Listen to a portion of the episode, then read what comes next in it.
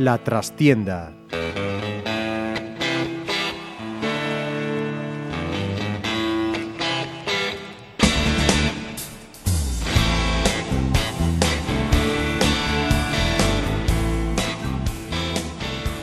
Saludos amigos, os habla Ramiro Espiño en nombre de todo el equipo. Comenzamos una nueva edición en La Trastienda, en Pontevedra Viva Radio.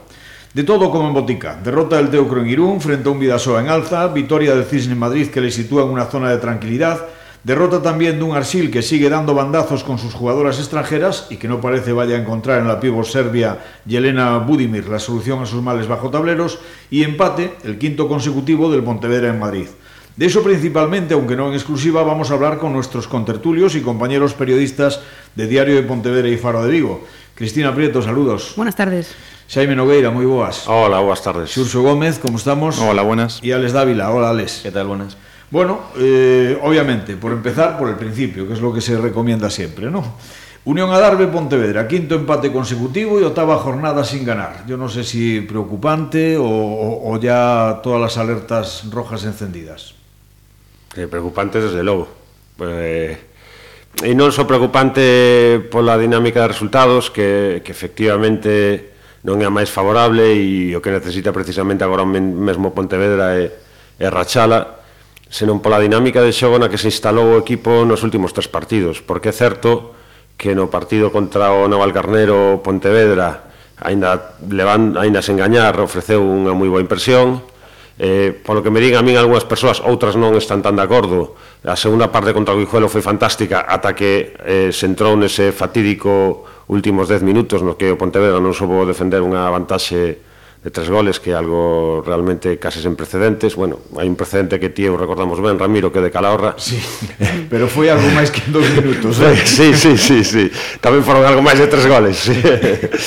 e, e eh, o que dicía que que máis alá que máis alá do, do, do xogo, que en aquel momento pois sí que parecía que había un, un brote verde, como se di agora, pois nos últimos tempos ese brote verde desapareceu, e o Pontevedra parece que a raíz precisamente ese encontro contra o Guijuelo se produciu un punto de inflexión negativo no que o equipo se instalou un nerviosismo absoluto e desde entón está custando muitísimo xerar fútbol, dominar os seus rivais e consecuentemente ter máis posibilidades de levarse os partidos. Yo creo que aparte del problema también es que los errores siguen siendo los mismos, por lo tanto no se busca una solución a esos errores, eh, partiendo desde lo que quieras, eh, desde el once inicial, el, el, sistema de juego, la táctica, me da igual, todos los errores siempre son los mismos, no hay sensación de que se pueda solucionar alguno, ¿no? que no hay como ideas para cambiar esa, esa dinámica o esa, no sé, esos fallos que se siguen cometiendo, eso es lo que más me preocupa de todo, que no cambia eso, que se sigue cometiendo los mismos errores. Preocupante yo creo que ya era antes, antes de que se jugara este partido. A mí lo que me preocupa ahora a raíz de este partido en, en Madrid es que esta semana yo he visto que se ha instalado un conformismo con ese empate uh -huh. que yo ahora mismo estoy viendo a jugadores a través de redes sociales o incluso al propio entrenador después de, de, del partido celebrando ese punto cuando yo creo que era un campo que por muy difícil que sea ganar allí había que ir a ganar. Es un rival que ahora mismo desgraciadamente es directo, aunque al principio de la temporada nadie, nadie lo pensaría Y, y, aunque no lo fuese, jugar en Madrid contra el Unión Adarve, que es un recién ascendido, con todos los respetos para el Unión Adarve, que es un equipo muy digno, pero al Pontevedra no le vale empatar en, en Madrid con ellos, tienen que ganar. Y a mí celebrar un punto en Madrid no me parece un triunfo. A mí me parece la situación muy preocupante, un poco por, por lo que decía Xaime, por el, por el juego del equipo más que nada. Creo que el equipo, a raíz de la. Siempre ponemos el punto de inflexión ese, la, la no dimisión de Luisito, sí que reaccionó en dos partidos con, con buen fútbol, yo creo, con no con resultados al final, porque el partido contra el Naval Carnero se escapó de aquella manera y contra el Guijuelo Eh, yo no estuve, no lo vi, pero hombre, si te pones 0-3, eh, evidentemente algo bien estás haciendo en un campo como el Guijuelo, por mucho que después hicieses el ridículo absoluto en el añadido. Eh, pero es que ese partido del Guijuelo yo lo marco como el, punto trascendente a partir de, de, lo que todo cambió. Eh, no creo como Chris que el Pontevedra esté repitiendo errores. Creo que ahora mismo, antes por lo menos podías agarrarte un poco a las sensaciones, al juego, a que generaba ocasiones. Ahora, bueno, parece que está un poquito amarrando un poquito más atrás porque se descosía por atrás y está intentando que no, se le, no le metan goles, pero es que no está generando absolutamente nada. Evidentemente, en campo del Unión Adarve, por muy complicado que sea y tal, hombre, no te puedes ir sin casi ninguna ocasión de gol, y en los dos partidos anteriores en Pasarón, con un campo todo a tu favor contra dos rivales directos, jugándoles tú en casa, no te puedes ir tampoco sin ninguna ocasión. Entonces son tres partidos generando pues tres ocasiones de gol claras, que es muy poco, y eso es lo que a mí de verdad me preocupa. Yo creo además, perdón, sí, sí, sí, sí, solo, solo un apunte nada más. ¿eh? Yo creo que el empate allí sería positivo si vienes de una racha positiva, en el sentido de que es un campo muy complicado y oye, según cómo se dé el partido puede ser positivo. De hecho, tal y como se dio el partido, es positivo el empate, pudimos haber perdido. Pero el problema es que viene todo de atrás. Es el problema es que vienes de cinco, bueno, ocho jornadas sin ganar, ¿no? Creo que es. O sea, Ese é o problema, yo creo, non o empate en concreto allí. De feito, a min parece o menor dos problemas o empate en, en, en Madrid porque é un campo no que realmente poucos equipos foron capaces de pescar. Eh, creo que só perdeu un partido na súa casa Unión Adarve ata agora. Entón, desde ese punto de vista, o resultado, ata, ata se me permitides, non é malo. O problema é o contexto, é obvio, non? o mm. contexto tanto de xogo como de resultados. E iso que realmente, e niso estou de acordo con Cris, e o que realmente pois fai que que saiba pouco porque mm, no Pontevedra xa non tanto pola urxencia da clasificación, que ao final segue estando fora dos postos de descenso debido ás sucesivas sí, pero, carambolas. Sí, pero ojo, eh. Sí, empatado sí. a puntos ya con sí, a promoción sí. de y, permanencia. E a diferencia hablábamos tres puntos, dos puntos, un punto, sí, ya e a diferencia de goles. A única diferencia que o Pontevedra marcou dous máis que que a Ponferradina, creo que o equipo que mm, marca sí, agora sí. a promoción eh, pola permanencia, non? Eh, pero quero dicir que xa non é urxencia pola clasificación porque incluso hai marxe cara a iso, senón eh, xa non sei ni o que iba a dicir. pero pois quero dicir que, que, que non vexo tanto eh, esa urxencia, senón a necesidade de recuperar as, as, as sensacións cunha victoria. Eu creo que agora mesmo o único, bueno, o único no, o principal que precisa o Pontevedra é unha victoria para de alguna maneira recuperar a confianza que, que eu non sei se si vos o percibides, pero para min está completamente perdida. Vexo os futbolistas supertensionados nos partidos de casa, con moitísimo nerviosismo tanto en todas as liñas, en todas as liñas, partindo desde a defensa con, con momentos de ataques estilo la mujer barbuda, como se dicía antes na radio, ¿no? que lle pasaba ao Atlético de Madrid de todo, pois a ver, que os centrais chocándose entre eles, que se despexan a sí mismos, que lle regalan o balón ao contrario, no centro do campo sin ningún tipo de conexión nin ideas, arriba sin confianza para encarar os adversarios, en fin, ao final eh, unha sucesión de, de síntomas que nos fan indicar que Pontevedra está enfermo de verdade e que a única maneira para solucionarlo e gañando para recuperar todo toda esa confianza que necesita ver, un que equipo. Yo, me vais a perdonar, pero eh, yo estoy absolutamente de acuerdo con lo que decía Chris, ¿no? En el sentido de que a mí realmente me preocupa que ante los mismos males apliquemos las mismas soluciones que hasta ahora no han curado al enfermo. Es decir, seguimos jugando exactamente igual, no buscamos alternativas, ni tácticas, ni de variación de hombres, eh, fútbol directo basado en tres centrales e intentando que Prosi juegue el balón cuando Prosi sabemos que como no esté en contacto del balón se desconecta y no es, no es un hombre que precisamente tiene otras cualidades, pero no la lucha, la brega, la pelea. Entonces empieza a ver pasar meteoritos por encima de su cabeza y automáticamente el centro del campo no existe. Y la defensa sufre porque los segundos balones son también casi siempre para el contrario en esas segundas acciones. La consecuencia, lo que decía Xurxo, o sea, tres ocasiones en tres partidos, entre los tres partidos. Sí, eh, al final es que yo creo que es un poco, todo un poco causa de, eso, de, ese nerviosismo, ¿no? Cuando, porque yo no creo que, que Luis en este caso por lo menos en los partidos de casa. El partido de Adarve yo lo pongo un poco aparte porque el contexto es muy diferente y es evidente que allí no puedes ir a jugar la pelota a lo mejor tanto. ¿Qué? cosa que no quita que, que, que, no hayas generado ni una ocasión así, porque tú puedes trabajar durante la semana el fútbol directo y por lo menos meter algo de miedo a la Darbe, que no se hizo. Pero yo no creo que Luis en los dos partidos de casa contra el Valladolid B y contra la gimnástica segoviana haya apostado, digamos, por, por, por balón largo y por pelotazo. Es verdad que cuando ve que las cosas en la primera parte no salen intentando jugar el balón porque el equipo está muy agarrotado, muy tensionado, no es capaz de dar tres pases seguidos, sí que apuesta por ese fútbol directo y yo creo que eso no es la solución. Creo que se precipitó en los dos partidos, porque en los dos partidos, si no me equivoco, hace un cambio al descanso, un poco para, o prácticamente a la salida del descanso, un poco para apostar por ese fútbol directo con dos puntas, y ves que por ahí tampoco consigue, como sí consiguió el día del Corucho, ¿eh? sin proponer nada más que pelotazos, se consiguió. Entonces no creo que, que, que, que la idea de, de principio sea esa, sino que es un poco causa de, de, lo que está viendo durante los partidos, que el equipo no, no responde a otro tipo de fútbol. La sensación que está dando ahora mismo es que esos tres partidos consecutivos que se ganaron, pues fueron un, espejismo. Ahora mismo quería, en momentos se pensaba que bueno que fue un mal inicio de liga y que y que la tendencia iba a ser ese fútbol y esos, esos partidos que se estaba haciendo, ganando tres partidos consecutivos, jugando bien al fútbol y, y ganando con solvencia, y ahora parece que, que son una anécdota. Son una anécdota y que los recursos que son son los que hay ahora, que son los mismos, porque los males del Pontevedra de ahora son los mismos que los de inicio de liga. Ha habido una regresión al pasado eh, tremenda. Es que Quedo Sousa, jornada tras jornada, sea el jugador más destacado del partido, eso es un problema. É un problema de dos meses xa. De todas maneiras, eu non estou de acordo eh, con, con Alex no sentido de que volva, volvésemos ao pasado en canto a fútbol. Volvemos ao pasado en canto a, a, a resultados.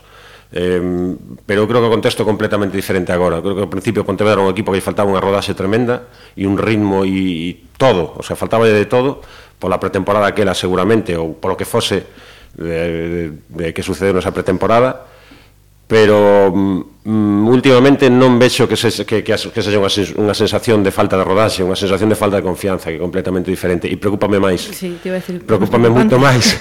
preocúpame moito máis porque daquela daquela eu si confiaba que había unha solución como como nos eh, seguintes partidos si se produciu e agora mesmo, como apunta Ramiro, Eh, creo que no, nos últimos dous meses Edu foi protagonista en, en, en 4, 5, 6 partidos, non sei cantos, eh, tampouco quero cuantificalo, pero certo que foi probablemente o xogador máis importante do último treito de competición do Pontevedra, non? E iso non é un bo síntoma para un equipo eh, que pretende, xa non pensamos en metas maiores, pero sí que pretende, pois, de alguma maneira consolidarse na categoría, estar tranquilo, pasar unha temporada a, plácida e agora mesmo non hai nada máis longe que iso, non?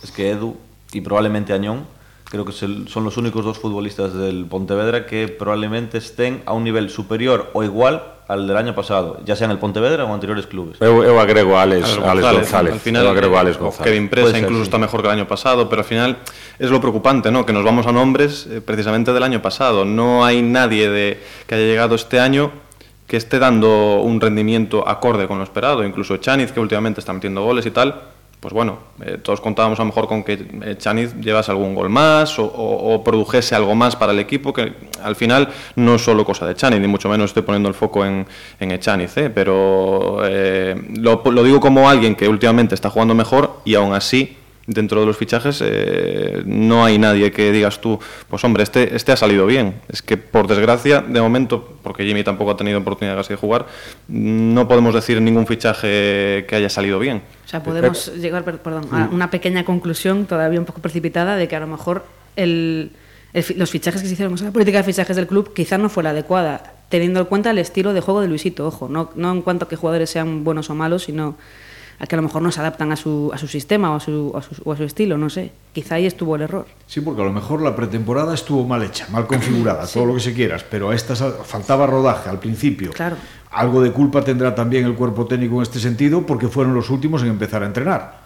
O sea, lo hicieron con 15 caras nuevas y empezaron la pretemporada un mes antes. Luego se afrontó esa pretemporada, los dos primeros partidos muy fuertes y luego todos con equipos de, de regional preferente. De, de, de, vamos, eh, y luego, ahora sí que ese equipo ya debería estar rodado, en consecuencia, no se tienen los hombres adecuados para lo que se quiere jugar. Si además, como se dice, este equipo es más caro que el del año pasado, está claro que no se ha acertado en los fichajes. Pero ¿eh? es que eso ya no tiene solución, o sea, eso ya está hecho. Ahora hay que pensar en qué habría que hacer para solucionar la situación, porque eso ya está, o sea, eso ya ha pasado, ¿no? Entonces, mejor es que, no, no, no, pensar tanto en Cris, eso. Y a mí de verdad me da muchísimo miedo lo sucedido en el 2011. Sí, claro. Porque se fichó a lo largo del mes de enero, tarde, mal y arrastre. Y parece que va a ser Retales igual. y horrorosos. O sea, vamos a ver, si cuando se dijo con la, con la ratificación de Luisito, que se iba, si era necesario, que en el mercado de invierno se iba a hacer lo que fuese, lo, lo que hiciese falta, ¿no? Para mejorar la plantilla. Hombre, sinceramente, a estas alturas, eh, si no se ha traído ya, porque recordemos, por ejemplo, cuando vino Igor de Souza, y me remonto ya un poquito atrás, ¿eh? Igor de Souza se pasó dos o tres meses antes de empezar a jugar en el mercado invernal entrenando con el equipo. En consecuencia, cuando entró, primer partido, tres goles. O sea, entró en la dinámica del equipo. Ahora, ¿me queréis decir que vamos a fichar a 3, 4, 5, 6, no sé cuántos en el mes de enero y volvemos a decir que nos faltará tiempo para rodaje? Cuando estemos rodados estamos en tercera. E, e hai un matiz. Eh, eu creo que un equipo que acude ao mercado de inverno... O mercado de inverno, para empezar, non é unha panacea. Eh, mm. E iso temos que estar todos moi claro. É eh, complicado porque o que podes pescar no mercado de inverno xeralmente non é un material dominante, por dicirlo así, non son futbolistas superiores, E os equipos que poden acceder a eses futbolistas superiores normalmente son equipos que teñen unha capacidade adquisitiva que con todos os respetos, eu creo que o Pontevedra non ten. Eu creo que agora mesmo o Pontevedra non é o Pontevedra dominante daquela época, que si se pode permitir o luxo, entre comillas, que despois se, despois daqueles polvos viñeron estes lodos, non? Pero naquel momento Pontevedra, pois sí, que facía unhas apostas económicas fortísimas e daquelo viu eh, Igor que era un xogador absolutamente determinante da categoría. Eu agora mesmo non vexo Pontevedra cualificado para fichar a futbolistas que vayan a ser absolutamente determinantes na categoría. E aínda que así fose, o mercado de Xaneiro é un mercado no que ao final acabas eh, fichando futbolistas que non están a gusto nos seus equipos, que non xogaron demasiado, que veñen de categorías inferiores eh, dominando, pero son categorías inferiores, que non coñecen o adestador que, co que van a traballar, etcétera, etcétera, etcétera. É dicir, son apostas, se xa en, en verán é difícil acertar, canto máis en inverno. E para proba temos a nosa experiencia das últimas tres temporadas nas que eh, quizáis o único futbolista que, que deu un rendimento axeitado foi, bueno, un, dous eh, foron eh, Eneco o no pasado, no final de temporada, E Bruno, pero Bruno deu no ao longo do tempo, decir, na, na temporada na que foi fichado, cumpliu nos 6, 7 partidos que disputou, e despois efectivamente co, co paso do tempo pois foi un xogador que máis ou menos se foi asentando, que ademais tiña ficha sub-23 e que era unha vantaxe moi grande para Compani, pero bueno, eh, hasta aí, ¿no? El claro, portero, Compani, que, pero, que é un especialista, que sabemos que, claro. que sabemos que o porteiro sempre vai é, é outro, é outro entre comillas outro rollo, non? Mm. Eh, pero de todas formas yo siempre lo defenderé, yo no soy nada partidario de hacer revoluciones en invierno porque ya vimos que a lo mejor este año los fichajes no salieron del todo bien. Yo no creo de verdad que se haya equivocado tanto la planificación deportiva, no, simplemente pues es que son una concatenación de cosas, ¿no? Que a lo mejor empieza la pretemporada mal, no se puede hacer buena pretemporada, eh, el equipo no llega como tiene que llegar a los primeros partidos de liga, empieza perdiendo, te metes en esa dinámica negativa, luego cuando parece que sí que coge rodaje, los resultados no te acompañan por X o por Z y al final ahora mismo estás donde estás y yo estoy seguro que los jugadores del Pontevedra están dando muchísimo peor rendimiento del que pueden dar, pero por una, una, cuestión ahora mismo yo creo que ya mental, de agarrotamiento. Un jugador que se siente presionado agarrotado no te va a rendir igual como, como, pero como cualquier persona en la vida, ¿no? Tú si en un trabajo no estás a gusto, estás presionado, no vas a estar cómodo haciendo tu trabajo, no vas a estar dando el 100%. Creo que es una cosa así. Entonces, eh, yo soy muy estético con fichar en invierno. Creo que hace falta obviamente un lateral derecho por todo lo que ha pasado con el único lateral derecho que teníamos, del que seguimos sin, sin tener noticias. No sabemos lo que ha pasado. Del que seguimos sin tener noticias, sabemos que está desaparecido, eh, no sabemos muy bien por qué, pero creo que a partir de ahí, bueno, se pueden hacer un par de retoques más, pero creo que más sería contraproducente para el equipo precisamente por eso, porque si ya costó tanto acoplarse, Creo que ahora es complicado acertar y encontrar jugadores que ya te rindan inmediatamente. Lo que necesitamos es rendimiento inmediato. Pero de todas formas hay jugadores que han venido, que están en la plantilla y que prácticamente no cuentan. Y me refiero, por ejemplo, a Víctor Mongil, cuando ha salido incluso ha marcado un gol, ya no recuerdo en qué partido fue y demás. Pero Contra el Racing de Ferrol. Con el, con el Ferrol, efectivamente, uh -huh. que, que, fue el que nos dio la victoria al fin y al cabo. Como el caso de Carlos Ramos, que ayer salió nada, minutos para perder tiempo exclusivamente. Eh, como el caso de Jorge, que... que juega un partido sí y cuatro no. O sea, no, no, no acabo. Y bueno, ya sin hablar del, caso de Berrocal, que para mí dicen que es el jugador con la ficha más cara de todos, o sea, tendría que ser el jugador determinante y, está siendo residual también. El sentir general es que casi todos los jugadores que llegaron este verano les costó mucho, mucho adaptarse al estilo, a la metodología del entrenador y, y a, todo, y a todo lo que es el Pontevedra cuando llegas, cuando llegas nuevo. Por eso casi, casi, siempre están recurriendo a los jugadores que estaban el año pasado. Entonces, eso ya es un problema para el mercado de invierno, porque se presupone que va a volver a pasar lo mismo, como ya pasó con, con Hugo Rodríguez, con Bello y como pasó con Eneco, que cuando Eneco vimos lo bueno que era, era cuando ya se iba a ir y era el playoff de ascenso y, y fue, quizás fue de los mejores jugadores en, en el playoff. Y ese es el problema. Ahora, si tiene que venir alguien pues a lo, a lo, mejor aunque solo sea por traer aire nuevo al vestuario y venir con, unas, con una mentalidad y con, con, una psicología distinta a lo que ya está dentro, si no viene un pesimista, si está lleno de pesimistas, si no viene un pesimista, a lo mejor igual hay que buscar andaluces que, que tienen mejor, así más, Bueno. más buen rollo.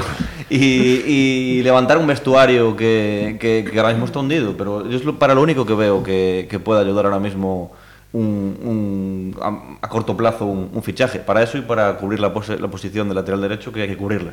Sobre todo porque si vas a jugadores a lo mejor más contrastados, corres el riesgo de, de hipotecarte y yo creo que es lo que el Pontevedra no debe hacer. Es mejor, y ojo a la barbaridad, estar en tercera división antes que intentar no bajar a tercera división y haber gastado 300.000 euros que no tienes o que no deberías haber gastado y poder bajar igual o estar en tercera división igual. Entonces es complicado. Yo prefiero con lo que hay intentar tirar, parchear y salvar la temporada. ¿eh? Hay de zanos, eu creo que os, os afeccionados si virían aquí probablemente intentasen cortarche a cabeza, por iso que acabas sí, de dicir. Sí, sí, claro. Pero creo que coa experiencia que todos claro. temos eu eh, non, non podo nada máis que agregarme as túas palabras. De feito, un pensamento que teño, prefiro descender que non facer auténticas atrocidades no mercado de inverno que ademais está demostrado que non che van a garantir nada, é dicir, ti podes facer unha aposta arriscada en verán e tes un moita máis marxe de maniobra, pero facela en xaneiro mm, pareceme máis moito máis perigoso. Yo creo que la directiva en este caso nos va a volver loca porque precisamente su línea de trabajo a seguir estos años ha sido eso, el, el- el controlar muy bien el gasto y el ir poquito a poco poniendo piedras para, para, para solventar esa deuda. No, y la experiencia reciente además dice que, que no funciona. O sea, el año del descenso, ¿qué pasó? Se fichó a un montón de jugadores en invierno y al final se descendió igual. O sea, gastas dinero y no, no consigues salvar la categoría. Sí, a excusa daquela fora Lo que que se iba a forrar. gastarlo, ¿eh? Sí, sí, Hay totalmente, pero- Aquel año se hicieron muchas barbaridades. Si lembrades aquel ano unha das, das, das excusas ou motivos ou razóns, como que irades bueno, para min, a min non é máis a excusa, pero, pero objetivamente é unha razón, despois veremos se si era ou non era, era que precisamente o que se pretendía era abaratar, era abaratar o plantel e aforrar diñeiro. Sinceramente, eu nin creo que se aforrase diñeiro, e por suposto o rendimento non se mellorou porque para os poucos futbolistas vos que había algún deles Igor sustituílo por Fran Amado eu creo que tampouco quero de pasarme colgándolle etiquetas a, esa, a ese feito, pero preto da barbaridade sí que estivo. Sobre todo teniendo en cuenta la trayectoria particular y personal de Fran Amado, ¿no? Como llegaba aquí. Pois pues sí. En fin. sí. Bueno, yo no quiero bajar, es decir... Yo nin sí- nadie. ya, ya, pero creo que yo sí que no firmo eh, bajar por No, no, es que- hipotecar al club, porque realmente creo que Perdona, Alex, es que un apunte simplemente. Es que yo recuerdo el famoso plan de viabilidad que se presentó en la, en la concursal, en la que el Pontevedra estaba eh, metido, ¿eh? en el que un iluminado, en ese plan de viabilidad, presentó un proyecto a 10 años vista para sanear el club que consistía en que un año subíamos, al siguiente bajábamos, al siguiente subíamos, al siguiente bajábamos, como si fueran matemáticas. O sea, y cuidado que ya hemos visto que bajar se baja fácil, pero volver a subir... No, no, ya. Iso é certo que di Ramiro, aquilo foi outro dos esperpentos en cadena que hubo naquela época e un deles foi pois iso que, que a verdade que un non, non espero que simplemente fose unha anécdota e nada máis, pero pero é certo que se que se proxectaba aquilo como se o Pontevedra ano a ano fose a subir e baixar que es moi divertido, por certo pero realmente si no, nada realista. Incluso se hablaba en el estudio de impacto económico en la ciudad que los equipos visitantes eh, traían a Pontevedra, pues eh, aparte de los jugadores, directivos y demás, una media de 10 periodistas cada uno, Y traía, sí, sí, sí, sí. Cristina me está mirando con cara rara, pero tengo copia de ese plan. ¿eh? Si tienes curiosidad por verlo, No. es absolutamente digno de un descerebrado, No, que fue el que lo hizo. Está claro, ¿no? Pero sí, sí, o sea, imagínate, claro, es que claro, vienen a pernotar, que aquella, con todos los respetos, jugaba el Villalonga en tercera división, y cuando venía el Villalonga venían 10 periodistas cuando menos de Villalonga, y pernotaban aquí en los hoteles de la ciudad. Ah, nese plan había tres erros. Primeiro, a persoa que o realiza, que é un despropósito. Segundo, a persona que lle dá crédito. E terceiro, a persona que dándolle crédito o expón diante dos... dos, dos sí, sí, dun xuiz e dos, E dos acreedores. e dos, acreedores, e dos acreedores. Quero dicir, foi unha serie de, de, de despropósitos o que non entendo como, como lle- superou eses ese tres lle- filtros. Ese lle pagou, ese lle pagou, Por cando era un copia-pega, porque eso se demostrou tamén, Sí, del rincón del vago, non? Era un, no, no, era un copia-pega del plan de viabilidad que había presentado el Zaragoza. Pero en primera división, claro. De todas formas, eh, En un fin. poco lo que decía Alex, ¿no? Yo creo que ahora el club está mejor gobernado y, y por eso no vamos a pasar. No sé. Es que yo me refería a ver, es, es complejo porque al final estás jugando con los números y el futuro lo- no lo sabe nadie, pero a lo mejor sí conviene sacrificar el hecho de tener en las próximas, no en, la, no en, esta, en, la, en estas cuentas, sino en las de la temporada que viene, no tener superávit por estar en segunda división B, que, que tenerlo y bajar a tercera. Porque, al final lo que dejas de ganar por estar en tercera es lo que perdiste por. Sí, entonces al final, bueno, pues si merece pena la inversión, hay que invertir bien. Eso es lo difícil, invertir es bien. difícil. Yo Pero lo que hablo es de no hipotecar ni, ni hacer revoluciones. Creo que si se fichan ocho jugadores, al final vas a hipotecar al equipo, porque tienes que echar a ocho que tienen contrato y contratar a esos ocho nuevos que, evidentemente, pues si vienen aquí para mejorar el equipo, van a ser jugadores que cobren o que sean descartes de segunda división o con cierto crédito en el mercado. Entonces eh, vas a tener que gastar tu dinero. Eso sí que para mí sí que sería hipotecar el equipo. Ahora hacer dos, tres retoques, bueno, oye, yo no estoy dentro ni, ni sé las cantidades que se manejan, pero creo que hay una diferencia, ¿no? Entre, entre hipotecar el equipo y, y retocar Eu confío en que o, cons- medio. e, e, iso é o que iba a dicir eu, confío en que o Consello de Administración sexa saiba o que é un término medio entre o intentar ser máis competitivos sin arruinarse. Eh, creo que, bueno, Sin a sen- hacer locuras. Creo que nese sentido eh, Lupe Murillo comete moitos erros, pero nese sentido creo que demostrou ser unha persoa cabal, creo. Y movimientos va a haber. Está claro que Ponferradina, Ferrol, Toledo, toda esta gente va, va a mover piezas. Lo que, lo, que, lo que espero que no pase, porque al final son jugadores que vienen en las mismas dinámicas, es que haya un intercambio de cromos entre los cuatro equipos y al final acabemos con retales de Ponferradina, Toledo y, y Ferrol. Supongo que no. Pero El, el Ferrol tiene ahora mismo una persona al frente de la dirección deportiva que sabe mucho de fútbol y del mercado. Es Carlos Mouriz. Fíjate dónde está el Lugo gracias al trabajo de Carlos Mouriz, entre otros. Sí, pero bueno, yo soy el primero que, que defiendo que la plantilla del Racing de Ferrol y con ese argumento también eh, me sumo un poco al hecho de que el Pontevedra no se, no se ha equivocado tanto, porque el Ferrol está por debajo. La plantilla del Racing de Ferrol a mí me parece muy buena y lo seguiré defendiendo. Es que hombre por hombre la plantilla del Racing de Ferrol es para estar arriba. Lo que pasa es que las cosas no están saliendo. Entonces, si decimos que la plantilla del Racing de Ferrol es buena, creo que la del Pontevedra no es tampoco tan mala como ahora. Ahora, dicho esto, eh, al final puedes fichar bien y que las cosas no te salgan. Por eso mismo de- defiendo que la plantilla del Racing de Ferrol es buena y sin embargo Es que no... A mí, Xurxo, de verdad, me preocupa la historia. Y en ese aspecto, como ya lleva bastantes años uno en esto del mundo del fútbol, cada vez que se produce este tipo de situaciones en las que teóricos gallitos se ven metidos en zona de peligro, alguno cae. Y no me gustaría que fuese el Pontevedra. Ahí está Ponferradina, ahí está Toledo, ahí está Racing de Ferrol, metidos en el ajo. Está el Pontevedra, evidentemente. Alguno de esos se va a pegar un, un leñazo. O sea, yo lo tengo claro, porque pasa todos los años. Le pasó al Compostela en su día, le pasó al propio Pontevedra, le pasó al Racing de Ferrol, a un montón de equipos en esas condiciones. Entonces, pues cuidado, no, no nos confiemos demasiado. Y si hay que traer refuerzos, que entiendo que, que se van a traer, porque por lo menos eso fue lo que se dijo en su momento, o sea, sinceramente, queda un partido para cerrar la primera vuelta y el año, y yo creo que ya deberían de estar aquí, no digo el, lun- el, el domingo, o por lo menos que no se sepa, pero el lunes entrenando con el equipo, para que cuando llegue enero por lo menos sepan de qué va la historia, ¿no? Y sobre todo teniendo en cuenta que Luis tarda mucho en introducir a los nuevos eh, al principio hasta que los ve preparados y compenetrados. Si al final van a venir en, a mediados de enero y no van a jugar hasta febrero, pues poco van a poder ayudar. Bueno, eh, volviendo a lo del Unión Adarve, Luisito expulsado por protestar un penalti que él dice que fue clarísimo, yo lo he visto en la televisión y soy incapaz de decir aún ahora mismo si fue o no fue penalti. Es una jugada confusa, eso sí, pero tanto como clarísimo, clarísimo no lo he visto. Y lo que sí no me ha parecido procedente, francamente, son, o afortunadas, vamos a decirlo así, ¿no? Por el momento, no porque no tenga razón en el fondo, que creo que lo tiene. Sus declaraciones sobre el campo, yo creo que andar por el mundo haciendo amigos en estas circunstancias no es lo, lo más recomendable. Ojo, lo digo yo que desde siempre he dicho que el que inventó la hierba sintética es enemigo del fútbol.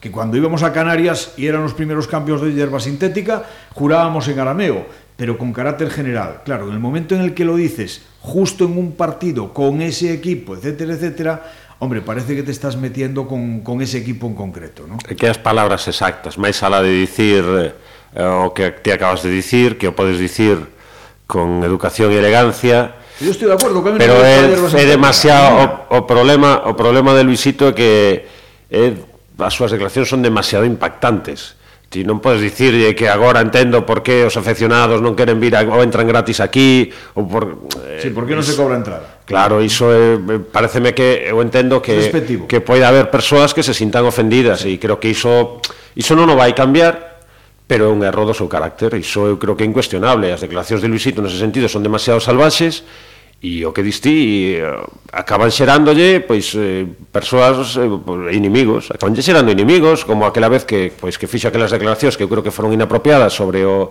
adestador do do do Izarra, creo.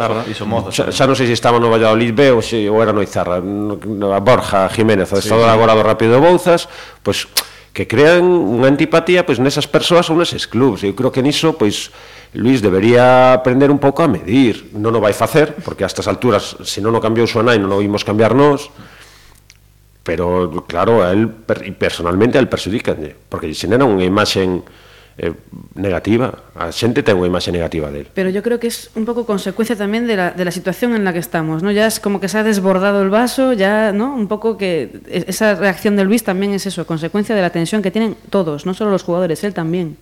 Eso también se transmite al equipo al final, ¿no? Entonces, me da esa sensación de que ya es como que no puede más y ya, pues, eh, eso, desesperación, Bueno, ¿no? yo, un poco... yo creo que sí que él, a él se le ve un poco desesperado a nivel de, de que no da la- con la tecla con el equipo. Sí. Ahora, estas declaraciones, como decía Jaime, siempre las, las ha hecho, una por temporada suelta.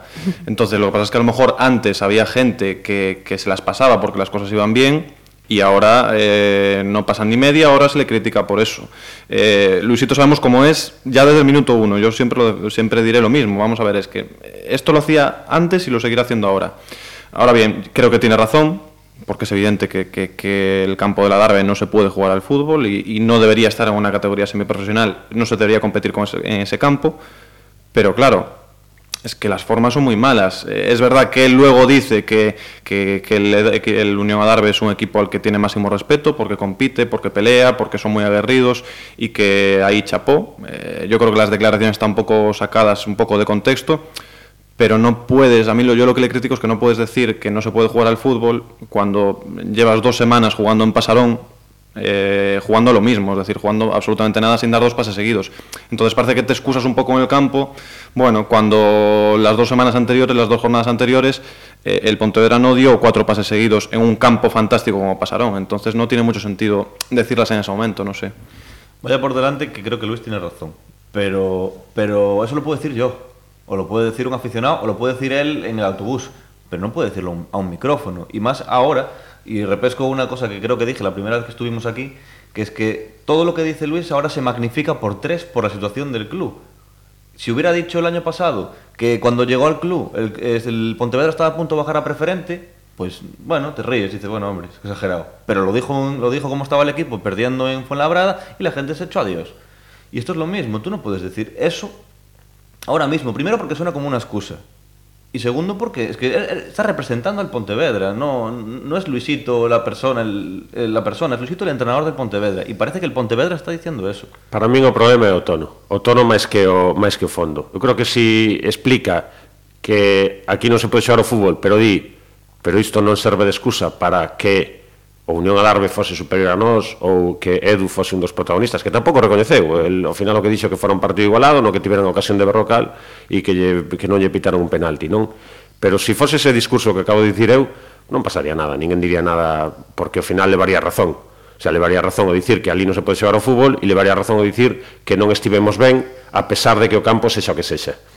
Pero claro, neste caso cando a orixe das súas declaracións e o centro das súas declaracións son iso e non hai ningún tipo de atenuante dicindo que nós fixemos as cousas mal ou non as fixemos todo ben que deberíamos ou que poderíamos, pois claro, Sí, es el momento en el que lo dices, fundamentalmente, ¿no? Y la frase, la frase, ahora entiendo por qué la gente no le cobran entrada para venir aquí, es que esa frase es muy, es muy dura. É un- y estoy un- convencido, absolutamente convencido, de que después del partido contra el Atlético de Madrid B, él lo primero que va a decir en la rueda de prensa es matizar esas palabras. Porque ya lo hizo cuando se montó la que se montó, cuando dijo a Riero Somos con el, con el Somozas. O sea, se va a matizar porque él se dio cuenta de lo que dijo. Sí, sí, es que además él luego, eh, es lo que digo yo, que, que a la Darbe lo elogia, ¿no? Lo que pasa es que tú si eres aficionado de la Darbe o, o- o directivo de la Darbe o empleado de la Darbe, no te quedas con los elogios a la Unión Adarve, te quedas con esa semifalta de respeto o esas palabras tan impactantes sobre tu campo, que al final es donde juegas domingo sí, domingo no. E menos mal que non son as súas instalacións. Se si chegan a ser as súas instalacións, te imagínate que se mete pasado mañán co Rápido de Bouzas claro. e co Baltasar Pujales, claro.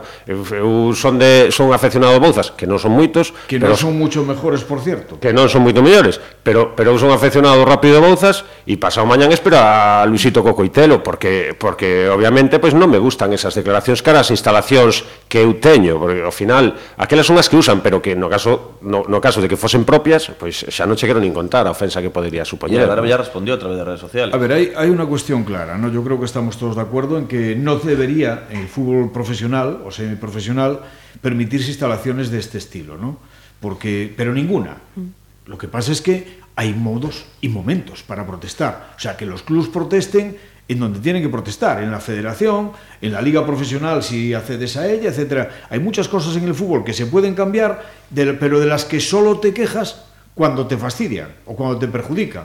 Entonces, hombre, yo creo que algo se puede hacer en ese sentido y algo tendrá que hacer también la federación en lugar de acumular número de fichas para cobrar más dinero ¿eh? y seguir aumentando un globo que, no que solo les interesa a ellos, porque, hombre, en otros deportes, tipo fútbol sala, baloncesto, etcétera, etcétera, cuando tú vas ascendiendo categorías, tú no puedes jugar en esa categoría, no te inscriben si no tienes unos determinados mínimos en la instalación. Y, y mínimos me refiero no solo a cancha, sino, pues, pues por ejemplo, Servicios, ayer los, servicios. los compañeros de Radio Pontevedra tuvieron que retransmitir sin poder conectarse a una red eléctrica. En Madrid en el siglo XXI. No centro de Madrid, nun barrio pijo. Eh, Non é ningún sitio, non é un sitio calquera. Es que de verdad parece absolutamente surrealista. Pero claro, dilo antes de empezar la temporada. Dilo en las asambleas de la Federación Española.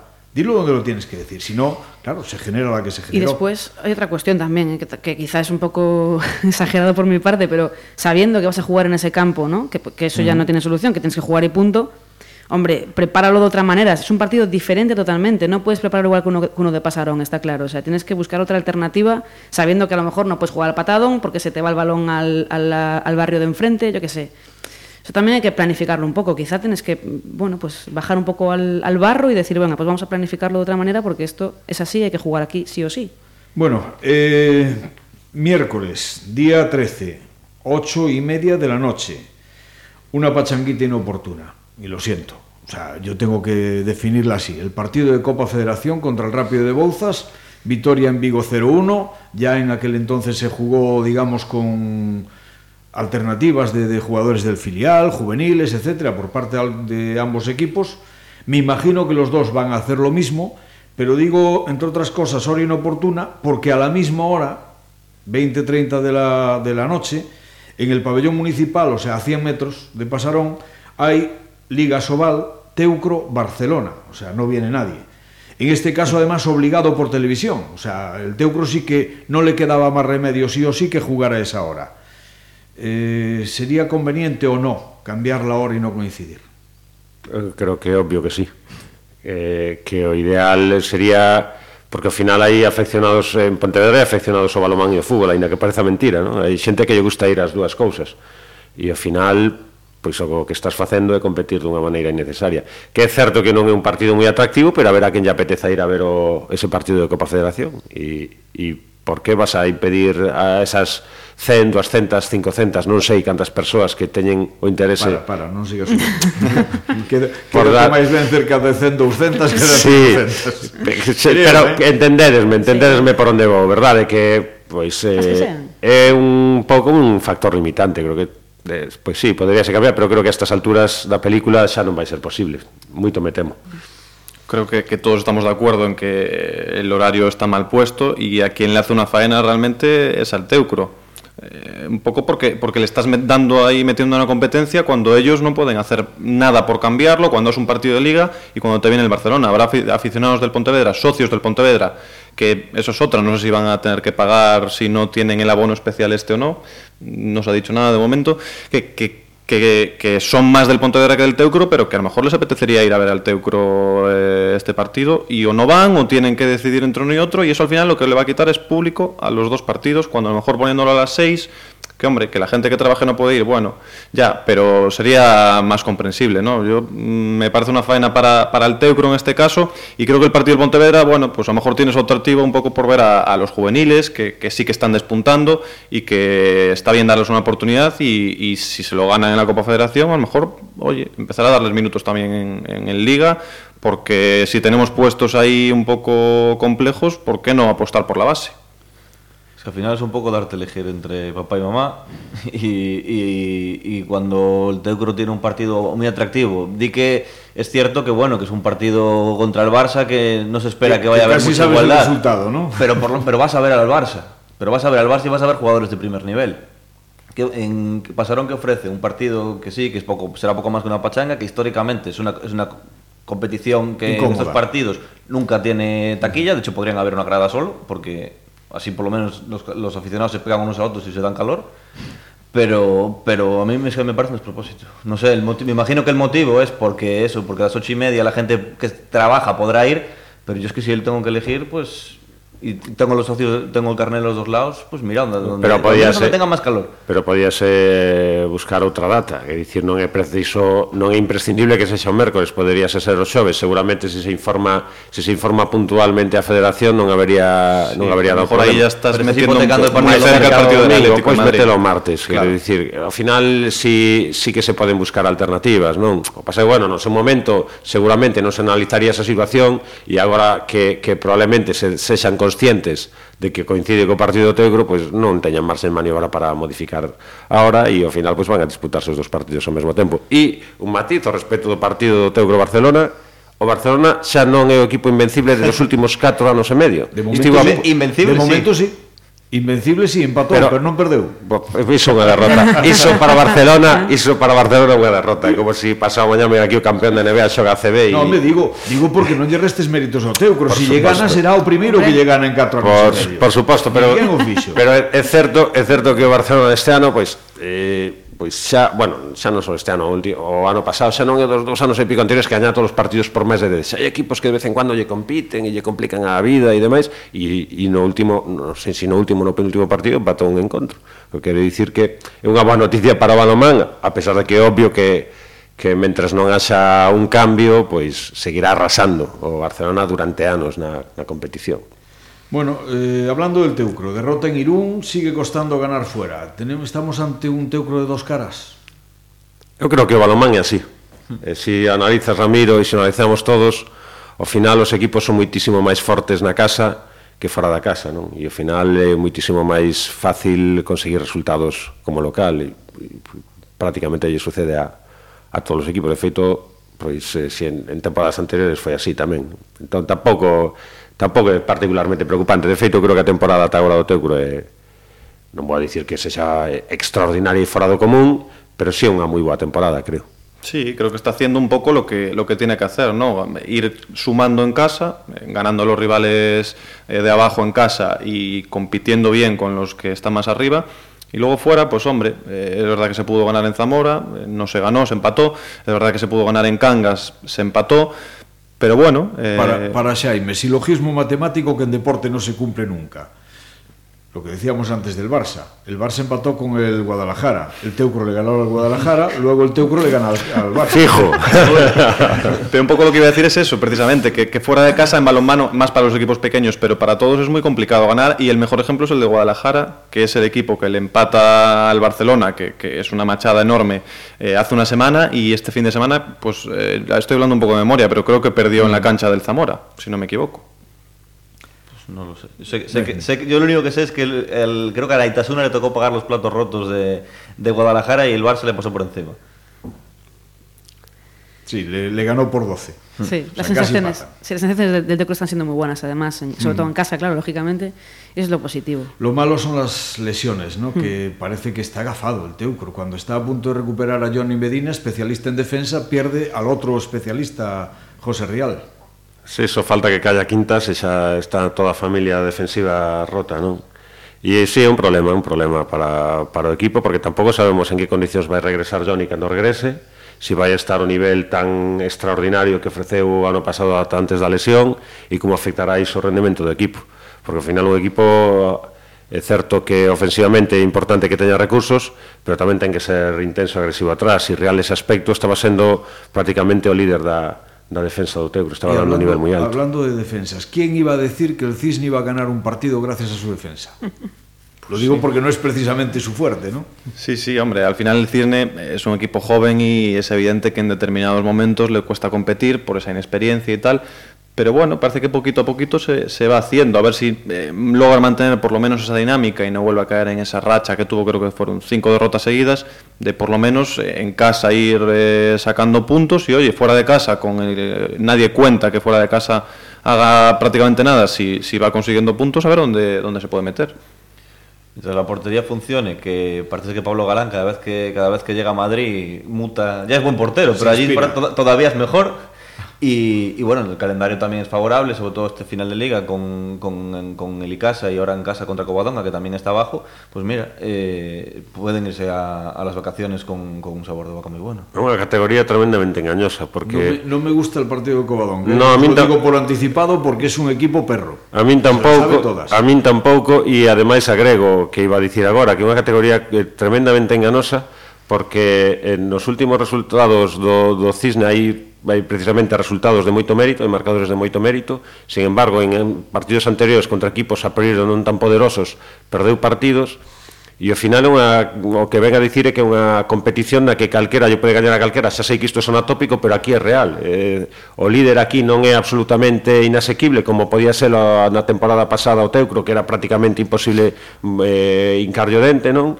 E hai moitísima igualdade. Aquí eh, Cisne ata hai pouco estaba coa soga ao pescozo moi cerca da zona de descenso e agora está máis cerca da zona de playoff que da zona de descenso. E o, e o que é que sexa unha competición moi dinámica, moi atractiva. No, y a mí lo que me decían los jugadores del Cisne, hablando con, precisamente creo que fue con Cham, que decía que, que este año la salvación iba a estar más cara que nunca.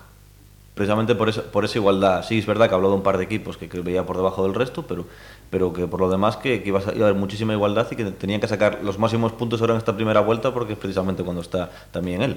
Uno de los problemas precisamente del Cisne en la segunda vuelta puede ser eso, ¿no? La baja de Alex Chan que se tiene que, que marchar por estudios y no estará en toda la segunda vuelta. Bueno, y vamos terminando ya, pero ¿alguno de vosotros es capaz de explicarme la- el misterio de las extranjeras del Arsil? Cris, No, no sé, es que, a ver, bueno, es lo que decimos muchas veces con el Pontevedra, ¿no? Que a veces unas apuestas te salen bien y otras te salen mal. El Arsil tuvo, yo creo que bastante suerte en anteriores eh, temporadas con las apuestas que hizo y a veces pues te pueden salir rana los jugadores, entonces no sé, no sé explicarlo realmente, pero eso es una situación un poco... A min gustaríame, Non sei. a min gustaríame, verdade, que atopar unha explicación, pero que A veces eh, penso na procedencia das xogadoras e digo, Perdona, son, ibera, son, calo, son caribeñas, pero que dá igual, porque procedan onde procedan sempre hai problemas. Tivos con norteamericanas, con africanas, con caribeñas, e as, e as xogadoras eh, africanas teñen eh, particularmente a etiqueta de ser xogadoras tremendamente comprometidas e profesionais. Eh, son, despois podes, poden ter máis ou menos carencias tácticas, técnicas ou o que sexa, non? E ata con elas tivo problemas, non, non sei. A verdade é que é increíble cando cando se sae unha cousa mal parece que se produce un efecto contagio terrible e non non, non, non quero non quero non quero dar ningún tipo de razón porque non a coñezo tampouco. Es que incluso los años en los que acertó, Sí. por ejemplo, como Minata Keita, ¿no?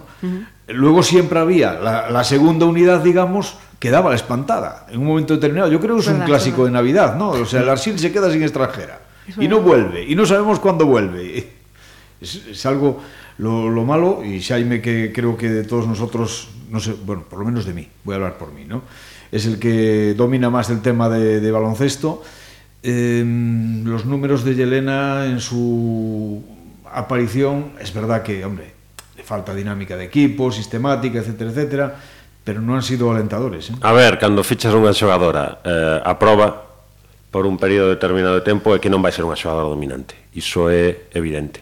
Agora, o que hai que ver é a xogadora eu como non a puiden ver, non puiden ver o partido e demais, en base aos datos, obviamente non transmite as sensacións de que vaya a ser unha xogadora que vaya a marcar diferenzas claro, quero vela xogar para poder facer unha opinión eh, contrastada sobre ela, como se si, ao final pois fichas un central e marca dous goles en propia meta. E digo, pois vaya central acabas de fichar, resulta que despois o ves xogar e aporta moitísimas cousas e tivo un mal día. Sí, aparte es un pouco precipitado porque eh, si no recuerdo mal jugó 10 minutos nada sí, más. Sí, eh, eh, sí, a mí los números no me parecen malos. Claro, y cogió cuatro rebotes. Cuatro rebotes y no metió ningún punto, pero es que solamente dieron una vez a canasta, o sea, habría que verla en el campo. Yo creo que es una jugadora que venía con números de fuera, de las ligas en las que jugó en el extranjero, no eran malos del todo. Es cierto que si tuvieran la confianza de que iba a ser una superestrella, no lo hubieran traído a prueba. Pero bueno, al menos comunitaria. Eso ya te evita fugas si quieres renovarla. Sí, sí, aparte, eh, es todavía, yo creo que es muy precipitado hablar de, si va a salir bien o no. Eh, De hecho, está prueba, entonces, bueno, tenemos ese, eh, ese factor ahí de que no es un riesgo muy elevado haberla traído. Si no resulta en estos partidos, pues oye, eh, se le deja libre y listo. Falta, falta verla jugar y falta que juegue más también. Yo lo que me voy a atrever es a darle un consejo y con esto terminamos a, a la gente del Arsil, que además le, le aprecio un montón, a todos ellos, como creo que le apreciamos todos, ¿no? Que es que la próxima vez que una extranjera se vaya de vacaciones le manden el billete de ida solo, porque al menos se ahorran el de vuelta, el, el coste de ese billete. Compañeros, muchísimas gracias. Cristina Prieto, Xaime Nogueira, Xurxo Gómez, Alex Dávila, como siempre un placer. Esperemos que la próxima semana podamos hablar de que el Pontevedra, después de ocho jornadas, por fin sabe lo que es ganar y al menos tengamos unas navidades, un parón de navidades un poquito más tranquilo y optimista. Muchas gracias. Y a todos vosotros, pues os dejamos con nuestra habitual despedida musical que hoy no necesita mayor presentación, que decir, es, ba- basta con esto, que son sus satánicas majestades, de Rolling Stone. Chris sonríe. Esto es su It's Only Rock and Roll, es solo rock and roll. Como siempre, que lo disfrutéis, será hasta la próxima semana que intentaremos que haya más y si podemos también mejor. Muchas gracias, os esperamos.